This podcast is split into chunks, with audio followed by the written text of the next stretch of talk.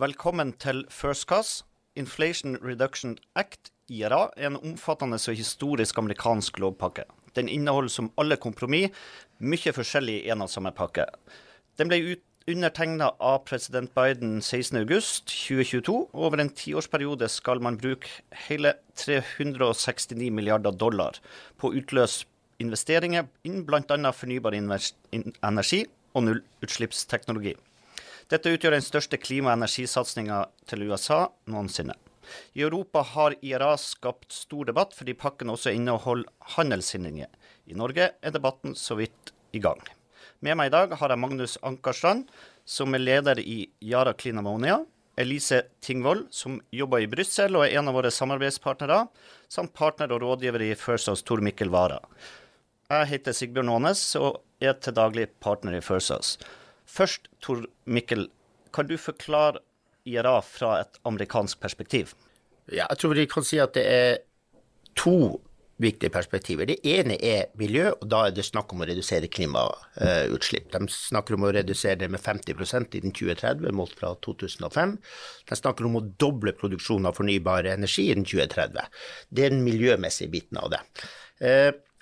Eh, og Da er de også nødt til å gjøre noen grep på sysselsettingen. for Hvis du skal legge ned kullindustri, så du, blir folk uten jobb, og da må du ha noen andre arbeidsplasser. Så det, det ligger jobbinsentiver i det, men det er en del av en grønn pakke. Uh, den andre biten i det her, det at amerikanerne i et sånn geopolitisk perspektiv bekymrer over sin egen forsyningssikkerhet. Veldig mye ting produseres i, i Kina og i andre land. og det er litt sånn Altså, Ukraina-krigen har lært oss uh, hvor ille det er å være avhengig av autoritære regimer. Uh, og Russland er ikke det landet vi er mest avhengig av, det er faktisk Kina. Så for amerikanerne er det veldig viktig å øke produksjonen av disse viktige mineralene, komponentene, som de i dag er avhengig av. Og det sikkerhetspolitiske perspektivet de har ikke vært så mye fremme i, i europadebatten. Men jeg tror det er viktig å huske på at det er også en del av hvordan amerikanerne ser på det. Så det er to ting. Miljø Eh, og sikkerhetspolitikk. Elise, du er til daglig i Brussel. Eh, hvordan eh, oppleves dette, og ikke minst hvordan blir det møtt av EU? Det har jo vært veldig negative reaksjoner fra EU. Og de starta egentlig i oktober i fjor. Og da var det primært Tyskland og Frankrike som var sterkt pressa av sin egen bilindustri, som våkna opp litt til hva IRA egentlig var. Så jeg tror jo at de fleste, eh, kanskje oss inkludert, ble litt lurt av navnet i seg sjøl. Så jeg tror, eh, hvis vi kan gå inn på litt de eh, negative reaksjonene, så handler det om, om primært tre ting. Det første er jo at EU har jo jobba siden Europakommisjonen la frem European Green Deal i 2019 med at Europa skal bli verdens første klimanøytrale kontinent. Så med det så har alt av lovgivning innenfor energi, klima, transport osv blitt revidert, i tillegg til at det er kommet masse ny lovgivning. Eh, og Parallelt har også prinsippet om åpen strategisk autonomi blitt lagt til bunn for den reviderte handelspolitikken som kom i 2021. Eh, og Det handler jo eh, da om at man skal bli mindre avhengig som Tor Mikkel nevnte, av sårbare verdikjeder for varer som har strategisk betydning, både for sikkerhet, men da også for det grønne skiftet. Eh, men alt dette tar jo veldig lang tid. Så fra Europakommisjonen begynner å jobbe med et forslag til det blir vedtatt av parlamentet og rådet, så snakker vi gjerne to til tre år. Så jeg tror at mye av den negative reaksjonen fra EU stammer jo fra en frustrasjon over at man har holdt på med møysommelig arbeid og intense forhandlinger i flere år. Og så kommer USA og klarer å fremforhandle det som jo er en av de viktigste klimapakkene i hele verden, på eh, noen uker. ikke sant? Og for det andre så handler det mye om følelser. Det handler om transatlantiske relasjoner. Mange trodde jo sant, at med Trump ute av Det hvite hus så skulle alt bli normalt igjen. Eh, og så har vi heller sett eh, at det kanskje ikke ble det. I juni 2021 så lanserte EU og USA noe som heter for Trade and Technology Council, TTC. Eh, og det er et møte som holdes på høyt politisk nivå to ganger i året og imellom de to politiske møtene så er det arbeidsgrupper som jobber mer eh, på konkrete tematikker. Og Formålet med dette forumet var jo ikke bare å øke utveksling av varer, men også å samarbeide mye tettere i handelsspørsmål. Så det at TTC ikke ble brukt til å en gang informere eh, europeiske partnere om eh, IRA, ble av mange sett på som et, et svik. Så det er med det amerikanske, europeisk-amerikanske perspektivet. Og så Sist, men ikke minst, er jo reaksjonene også forankra i en reell frykt for at uh, subsidiene som USA har lagt på bordet, vil være konkurransevridende. Og, og, en anerkjennelse av at Europa ikke kan være med i et subsidiekappløp. ikke sant? Så det er jo um, en, en, frykt for europeisk industri, og at det da skal bli mer uh, attraktivt å etablere seg i USA enn i Europa. Magnus, nå snakker vi jo mye om hvordan myndigheter i Europa og for den del Norge har reagert på dette. Men hvordan ser, er dette for norsk industri? Ja, jeg tror for, for, oss så er det på en måte to ting som er uh, veldig viktig rundt dette. Det ene er forutsigbarhet, og det andre er energi. Uh, og du trenger begge deler, særlig for oss som representerer energiintensiv industri. Og jeg tror det som er veldig viktig å huske på, er at de investeringene vi snakker om, enten det er hydrogen eller ammoniakk eller havvind for den saks skyld, altså vi snakker om mange milliarder investeringer her, ikke sant. altså dobbelt, double digit milliarder investeringer. Og det krever forutsigbarhet. Altså Du må vite hvilke rammevilkår eh, du skal operere innenfor i de 20-30 årene hvor, det du bygger skal operere. Og Det Inflation Reduction, Act gjør, spesielt for hydrogenindustrien, hydrogenindustrien, også for fornybarindustrien, er at det gir et helt konkret eh, virkemiddel. Altså 3 dollar per kilo hydrogen produsert, 85 eh, dollar per tonn CO2 eh, lagret. Som en skattekreditt, altså reduksjon av, eh, av skatte, skatt per inntekt og du vet at du får det i tolv år. Og du kan legge det inn i business caset ditt, og så kan du regne igjen prosjektet eller ikke uh, på vanlig måte. Men det gir en forutsigbarhet som reduserer den usikkerheten man, man står overfor i Europa, hvor det er, bortsett fra ETS, veldig uklart hvilke rammevilkår som kommer til å gjelde. Men er det også muligheter for norsk industri i det amerikanerne nå gjør? Det er definitivt muligheter for å gjøre prosjekter eller gjøre investeringer i USA. Og det har jo mange norske selskaper gjort historisk, også Yara, men også Equinor, Aker Solutions, mange andre. fordi veldig mye av de tiltakene her er jo knyttet mot energi og energikilder, og de, de ligger jo der de ligger. De kan jo ikke flytte på. Um, og, det er jo det som er spesielt relevant for, for vår industri. Um, og så er det klart at for andre industrier, bilindustrien, så, så, kan det være litt mer krevende. Og det vil jo tiden vise hvordan dette f.eks. vil åpne opp for uh, eksportmuligheter osv. Ja, altså jeg, jeg, tenker, jeg, tenker, at du Politisk sett så det, burde man jo si endelig kommer amerikanerne etter. Her har vi kritisert dem i år etter år og ikke gjør en eneste ting på miljø. Og så kommer de, og så blir vi litt snurt og sure i Europa over det. Vi burde jo juble for det. Eh, eh, og så vidt jeg forstår, så er jo den pakken som amerikanerne kommer med, i størrelsesorden bare halvparten av det europeerne har holdt på med. Eh, men, og det er interessant, den er såpass konkret at den kanskje virker hardere. Den virker hardere på miljø, fordi at du har mer nytte av å redusere ting i USA, for den ligger så langt bak Europa. Eh, eh, men den er også mer effektiv, for den er sånn, sånn som du sier, den er kriteriebasert. Den er ikke søknadsbasert. Altså, du sender ikke en søknad og lurer på om du får penger, og hvor mye får du. Her vet du hva du får. Så de har innretta det på en måte som nok gjør den gjør at du får veldig mye ut av de pengene som er der. Eh, og den er veldig attraktiv. Og så vil nok en god del eh, investere i USA. Og det tror jeg er meningen. Må, vi skal ikke se bort fra at amerikanerne vil ha investeringer. Eh, de begrunner det kanskje ofte med at det er jo, jobb er del av amerikansk politikk. Create jobs. Eh, og hvis du har tenkt å legge ned den industrien som er forurensbar, nei, som forurenser og har store utslipp, så må du ha noe annet jobb. Så, så eh, eh, det er lett å skjønne hva de gjør.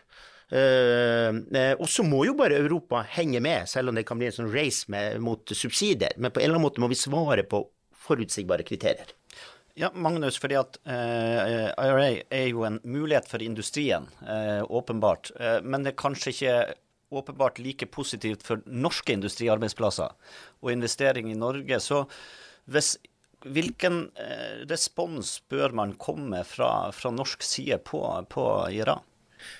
Jeg tror først og fremst så bør man prøve å kopiere dette. Uh, og jeg tror det er viktig å huske på at det de egentlig gjør her, er en stor grad dette, det er en stor pakke selvfølgelig, men en veldig viktig del av dette er jo å bruke skattesystemet. Man bruker, eh, man, bruker, det vil gi en tax credit.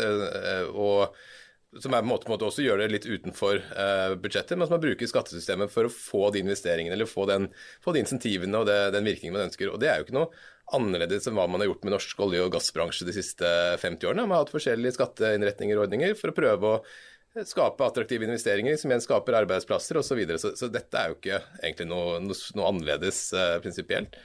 Um, så jeg tror man må, må, se på ok, hvor er det Norge har muligheter, uh, hvor er det vi kan være konkurransedyktige, og hvordan bruker vi f.eks.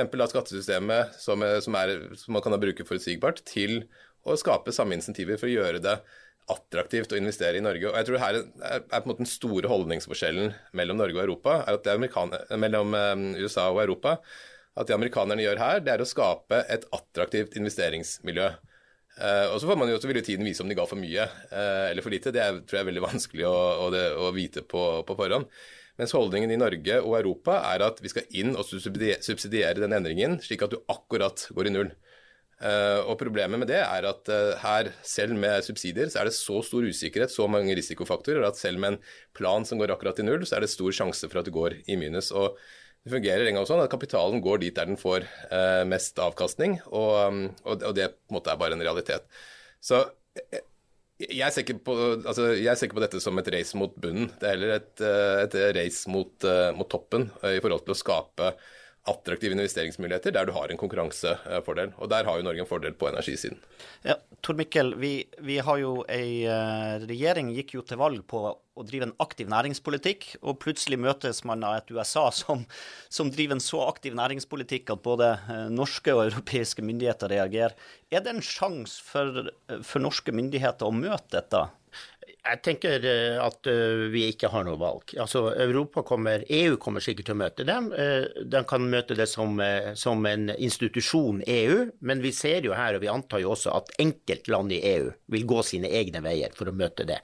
Og, og, i den grad de får lov å gjøre det, så kan jo Norge også gjøre det. Og Så gjelder det å finne gode, forutsigbare ordninger. Og så kan vi ha i bakhodet også at det, det er flere elementer av det, den pakken som er en fantastisk miljøinitiativ. Altså, husk at dette, dette kommer til å ha effekt på hele verden med disse reduserte utslippene. Men i tillegg så er det jo sånn at Norge er jo ikke en fiende av USA. Så de bør liksom skjønne at det, å få ting fra Norge, det er ikke noe dumt. Det, vi skjønner problemstillinga med Kina. Det er en utfordring som bekymrer amerikanerne veldig. Men når uh, Russland skrur av gass, så er det vi som er der. Så vi må liksom få amerikanerne til å skjønne at vi er liksom ikke, er liksom ikke en annen del av det. Nå har europeerne subsidiert, kineserne har bygd integrerte verdikjeder som gjør at de kontrollerer store deler. Altså bare ta, ta selskaper på, på, chip og Nordic Semiconductor og disse som sliter med, med leveranser. Eh, så vi må liksom prøve å være på lag med USA, samtidig som vi da må ha investeringer og, eller, og insentiver som gjør at industrien vil være i Norge. Ikke på absolutt alle områder, men på noen av de områdene hvor vi kanskje allerede er gode. Mm. Elise, eh, hvordan blir eh, reaksjonene nå fra, fra, EU? Hva kommer von der Leyen og, og, EU til å gjøre for å møte dette, og, og de store medlemslandene?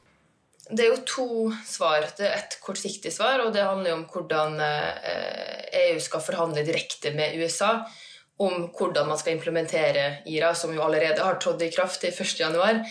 Eh, og der er det noen kreative jurister sant, som har sett i lovteksten at Free Trade Agreement står med liten forbokstav, og da bruker det som en, en mulig måte å forhandle inn at Europa eh, kan bli sett på som en handelspartner. Eh, og her har jo næringsministeren satt at, eh, at, Norge er tett på eh, Europa, og prøver å være med at Norge også blir innfatta der. Og så er det jo det langsiktige svaret som er egentlig er mer interessant. og der har jo von der Leyen under World Economic Forum i Davos la jo fram litt mer detaljer på hva det skal gå ut på. En såkalt European Green Deal Industrial Plan med fire deler. Den første, den viktigste kanskje, er jo på reguleringsfronten. Eh, da skal vi få et Net Zero Industry Act, eh, en nullutslippsindustrilov, eh, der det handler om å få på plass et rammeverk som sørger for rask oppskalering og raskere konsesjonsprosesser med fokus på de her strategiske verdikjedene. Det er veldig interessant, for det skal bli modellert på EU Chips Act, som vi godt kan komme tilbake til senere. I tillegg under reguleringsparaplyen så skal det også ses på regelverket for IPSI, Important Project of Common European Interest, og så kommer det i mars også et EU Critical Raw Materials eh, Act. Eh, del nummer to er finansieringa. Eh, her er det også på en måte to underpilarer, hvis du vil. På statsstøtte så skal reglene revideres. Norge er jo gjennom EØS-avtalen omfatta av de eventuelle lettelsene som kommer. Men så skal i tillegg EU se på å sette opp et suverenitetsfond. Og Grunnen til det er jo at statsstøtte er jo betinga på at, at medlemsland har muskler sant, til å bistå finansielt. Og per i dag så står jo Tyskland og Frankrike alene for 80% av statsstøtta som gis i Europa. Så det her suverenitetsfondet skal være en måte å eh, videreformidle eh, støtte også til andre medlemsland Eh, via da felles låneopptak som skjer på EU-nivå, eh, e og da omfordeles. Og her vil jo ikke Norge eh, omfattes. Og så har du to tildeler. Det ene går på tilgang til faglært arbeidskraft. 2023 European Year of Skills, så her kommer det sikkert masse initiativ. Og så er det siste på det med, med, handelspolitikk. Å få på plass flere handelsavtaler. Og Norge her som EØS-medlem står jo også helt utenfor det å forhandle via EFTA. Magnus, eh, du jobber jo i et globalt selskap, også stort i, i Europa. Hvor ser dere nå at andre medlemsland, Tyskland, Frankrike nevnes? Er de, de nå lengre fram i møte med, med IRA enn en Norge? Det vi ser er at en del land, eh, f.eks. Tyskland, er ganske, langt, ganske på hugget i forhold til å lage ordninger. Nå er det riktignok ikke, ikke kommet noe konkret ennå. Altså, så, så, det, også, det henger litt uh, i limbo der òg, men, men, de ligger i hvert fall mer frempå i forhold til eksempelvis penger som er dedikert til å fjerne store punktutslipp i Tyskland f.eks. Uh, osv. Så, videre. så Så det ser vi helt klart.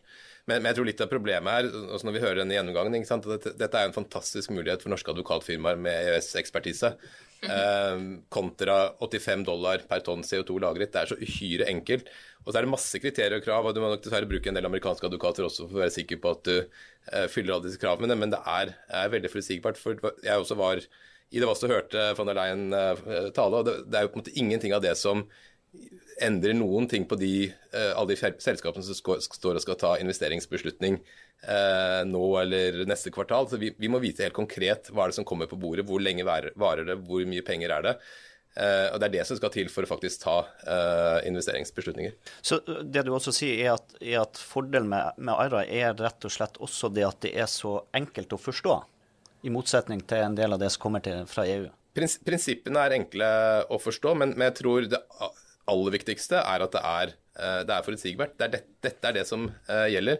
Men husker på en måte den lange remsen med tiltak fra, fra von der Leyen. Altså, det er jo helt høyst uklart hvordan det skal finansieres, eksempelvis. Og du ser allerede at noen land sier at nei, vi er ikke med på å reise nye penger til dette, andre, andre land er for, osv. Så, videre, så så blir de kanskje enige. Men, men det andre er at uh, det er i hvert fall så langt ikke noe indikasjon på hvor lenge skal dette vare, uh, og ikke minst hvordan skal dette tildeles. For jeg tror det som er veldig viktig å huske på, er at for å få dette skiftet til, så, så kommer det å kreve tusenvis av små beslutninger i, i tusenvis uh, av firmaer. og Da kan det ikke sitte en kommisjon og på en måte vurdere prosjekt for prosjekt. Det, altså det, ikke, det fungerer ikke i praksis. Og det andre er at det, å drive et prosjekt frem til et modenhetsnivå som kreves for å faktisk kunne gjennomgå den, den evalueringen, det koster i vår bransje fort opp mot 200-300 millioner kroner å bare komme så langt uten engang vite om du får, eh, får positivt eller negativt svar. Men, mens USA så har du den forutsigbarheten ja. når du bruker det. det ja. ja altså jeg tenker at det, det, amerikanerne gjør, de stiller jo krav. Det kan vi gjøre i Norge òg. Vi kan stille veldig tøffe krav. Men så sier du i det øyeblikket du tilfredsstiller kravene, så får du penger. Og da, da har du fått en forutsigbarhet, selv om du er, har krav til industrien. Men hvis du ikke vet hva du får, selv om du tilfredsstiller kriteriene, så blir du usikker. Og det er strenge krav. Det er viktig for at Du skal ha 15 lærlinger eh, i byggeprosjektet. Du skal ha minimumlønn, som kanskje høres opplagt ut i Norge, men det er absolutt ikke opplagt i USA. Altså Det er masse kriterier som du må fylle. Det er ikke noe enkel eh, jobb å fylle alle disse kriteriene, men, men det du vet, er at eh, hvis du fyller dem, så får du denne støtten. Lise, det er det som er med, med, kravene, som jo på en måte er, er, det viktigste å følge med på. ikke sant? Fordi de sa med at um, den nullutslippsindustrilovgivninga skal bygges på EU Chips Act. Det er ganske betydningsfullt, fordi da EU Chips Act kom i fjor, og den er fortsatt under, uh, under behandling, så var det første gang kommisjonen åpna for å gi statsstøtte forbi det som heter First Industrial Deployment. Da skulle det også gis støtte på eh, produksjonsnivå. Og EU Chips Act var jo et tilsvar til eh, US Chips Act. Eh, men ganske fort så kom jo eh, semikonduktorindustrien i Europa på banen og sier det at ja, kjempebra at, at, Europa når ambisjonen om å doble produksjonsnivået fram til 2030, men her kommer det jo bare en, en masse krav og veldig lite penger på bordet. Og i tillegg, hvis du får bevilga penger som en sånn first of a kind facility, det betyr at du produserer et nytt produkt, eller du produserer på en ny måte, og det er kanskje sånn også eh, EU vil tenke nå eh, i den nye loven, eh, så blir det også knytta til krav eh, om hvilken type produksjon du må ha i krisesituasjon. Så i det øyeblikket kommisjonen og medlemslandene erklærer at nå har vi eh, krise med tilgang på semiconductors eller energi, altså eh, hva enn det skulle være i framtida, at det da kan komme krav til hvordan du må uh, produsere. Så det er jo markedsinngrep uh, som har vært vanskelig å fordøye for industrien, og som også gjør at det har stoppa opp helt i, i forhandlingene internt. Men Magnus, det er, jo, det er, jo, mange store tall her, og kanskje ikke så lett uh, å forstå alt konkret. Men jeg hørte Svein Tore Holsæter på en NHO-konferanse eller et frokostmøte i NHO om dette. Han hadde et ganske konkret eksempel på hva det ville betydd for en fabrikk sånn som den på Herøya. Ja, altså, helt, helt konkret. Altså, det de gir, er tre dollar per kilo hydrogen, f.eks. Det er én støtteordning. og det, Hva det betyr, er 560 eh, eh, dollar per tonn ammoniakk. Bare sånn til referanse så er vanlig ammoniakkprisen i dag er rundt 900 dollar. så Bare for å i størrelsesorden illustrere uh, hvor, hvor, mye det er. Um, og det er klart at um, det det gjør, er jo at uh, ammoniakkprosjekter, særlig blå ammoniakkprosjekter uh, i USA, som for øvrig får mye mindre støtte, um, er, er, kan nå regnes hjem. Um, du må fortsatt ta antakelser på gasspriser og ammoniakkpriser. Fortsatt uh, vil det selskapene som bærer all risiko i forhold til hvis prosjektet går feil og, og, alt med sånn. Og til og med du løper en stor risiko hvis du ikke klarer å produsere, så får du faktisk ikke disse skattekredittene heller. Så, så det er fortsatt masse risiko på, uh, på industrien. Um, mens uh, mens måte rammen fra myndighetene er, er veldig klar. Og, og, og, det er klart at det den store forskjellen det utgjør, er at du faktisk kan ta investeringsbeslutninger. I Europa kan du ikke ta investeringsbeslutninger, fordi det er ikke noe styre i verden som kommer til å godkjenne uh, en investeringsbeslutning når, ikke, når, når, utgangspunktet er at det er ulønnsomt. Uh, og sånn, sånn, er det dessverre bare. Men, men uh, Tor Mikkel, det, det, er nok en, også en diskusjon i det politiske Norge rundt dette med subsidiekappløpet. Uh, og igjen det paradokset med den aktive næringspolitikken til amerikanerne. Eh, kan vi også få en situasjon hvor at eh, Norge blir stående igjen? Eh, at vi ikke rett og slett klarer å svare på, på IRA med, med, samme type tiltak? Det er, ikke, er ikke, det er jo ikke like ofte vi bruker skattepolitikken. Nei, og derfor har vi en risiko her. Det, risikoen er jo selvfølgelig at vi også nøler. Eh, men det er, en, det er, jo en, strategi fra Norge som må her. og Så vidt jeg skjønner den norske strategien nå, så er det å legge seg tett på EU. Og poenget er at hvis EU ikke er god nok, eh, så blir vi, blir vi halehenget til noe som ikke er godt nok. Ikke sant? Så, så ja, eh, men vi kan jo også benytte friheten til å Det hadde vært enklere hvis vi var med i EU, men når vi ikke er det, så kan vi kanskje også se om vi kan benytte den friheten vi har til å på mange måter gjøre noe annet enn EU. Mm. Og, og så tror jeg det, det kanskje to viktige argumenter til. og Det, det ene er at uh, en, en, stor fordel USA har, som gjør dette så veldig kritisk for Europa i forhold til en energiintensiv industri, er at USA faktisk har energi. ikke sant? De har ubegrensede uh, mengder med gass, ubegrenset uh, kapasitet med altså CCS-kapasitet, og kjempepotensialet for fornybar energi. og det er jo høyst forskjellig i, eh, i, EU, for å si det sånn. Selvfølgelig du har et vindkraftpotensial i Nordsjøen osv., men altså, Europa har, og særlig det korte bildet, et enormt energiproblem.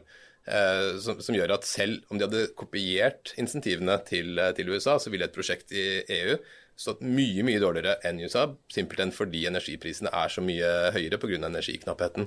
Det er det ene. Og det andre tror jeg som også er viktig å huske på i forhold til Norges tilnærming eh, til dette, at vi er for det første i en litt annen energisituasjon. og Da tenker jeg særlig på olje og gass og CCS-muligheter. Eh, jeg tror det er en kjempemulighet å kunne, kunne virkelig bringe fram eh, den industrien eh, hvis man hadde sett på noen tilsvarende ordninger som man har for CCS eh, i USA. Men jeg tror det andre er at man skal huske på i et sånn handelspolitisk eh, perspektiv så er det ganske mange konfliktområder mellom EU og USA som ikke nødvendigvis er de samme mellom Norge eh, og USA. Så du har bilindustrien, eh, du har stålindustrien, du har fly. altså Det er en rekke store konfliktområder mellom USA og, EU. Og det merket vi veldig godt da, i USA når jeg satt og ledet Yara i Nord-Amerika. var at vi var veldig glad for å si sånn, at uh, våre norske fabrikker ikke var en del av EUs tollunion når Donald Trump over natten plutselig bestemte seg for at han skulle innføre straffetoll uh, mot produkter fra EU. Og Det er verdt å uh, holde litt øye med. Og Det er jo interessant det at det finnes noen muligheter her for Norge som ikke nødvendigvis er like enkelt for EU. Men Elise, er det vi også kan se nå, er at du får enda større forskjeller innad i EU fordi at du har noen økonomier som er mye sterkere enn en andre? det er jo en stor risiko, og spesielt hvis EU som helhet ikke klarer å få på plass et ordentlig tilsvar innen en, en, en tidsfrist som er akseptabel. Så ser jo allerede signal fra Frankrike, f.eks., som skal legge fram eh, et eget uh, forslag på Made in France, krav til produksjon uh, osv. Og så er jo spørsmålet der også hvor Eh, lovlig det er med tanke på indre markedsregler i EU. Eh, men det er jo veldig interessant og viktig problemstilling. Og en stor risiko. Og med tanke på Norge så tenker jeg det viktigste at eh, norske aktører må gjøre, er å passe på at Norge er med i IPSAI framover. Eh, altså Important Project of Common European Interest, som jeg nevnte tidligere. Og det er rett og slett store konsortium der medlemsland og Norge som EØS-medlem kan gå sammen eh, og fullfinansiere finansieringsgapet i store Eh, prosjekt på, på tvers av landegrenser. Og der har jo Norge sovet litt i timen tidligere, men kom jo med på hydrogen-IPSEIN i 2021, der bl.a. Yara har fått noen millioner til eh, grønn hydrogen-ammoniakkproduksjon. Eh, og det er kjempeviktig framover at vi er våken, sant? for det kommer til å komme eh, mange initiativ. Det, det, ryktes at det kommer en på eh, mineralutvinning, det kommer flere på hydrogen, solkraft, vindkraft, you name it. Eh, så det er på en måte den enkleste måten jeg tror at Norge kan henge seg litt på europeiske, det europeiske tilsvaret. Magnus, du nevner også dette med tilgangen på energi i USA og den utfordringa vi har i, i, Europa som følge av dette. Norg, norsk fortrinn har jo alltid vært koblinga mellom billig fornybar kraft og industrien. Eh, betyr det at eh, vi, vi, parallelt med, med IRA og håndtering av det, så må vi også gjøre noe med den kraftsituasjonen og tilgangen? For å være konkurransedyktig? He, altså, he, helt klart. Altså, du får så mye industri som du har energi. Eh, så, så, enkelt er det. Eh, og, eh, og, jeg tror altså, Norge må helt klart utvikle så mye fornybar kraft vi bare klarer. Om det er vannkraft, vind på land eller vind, vind til havs.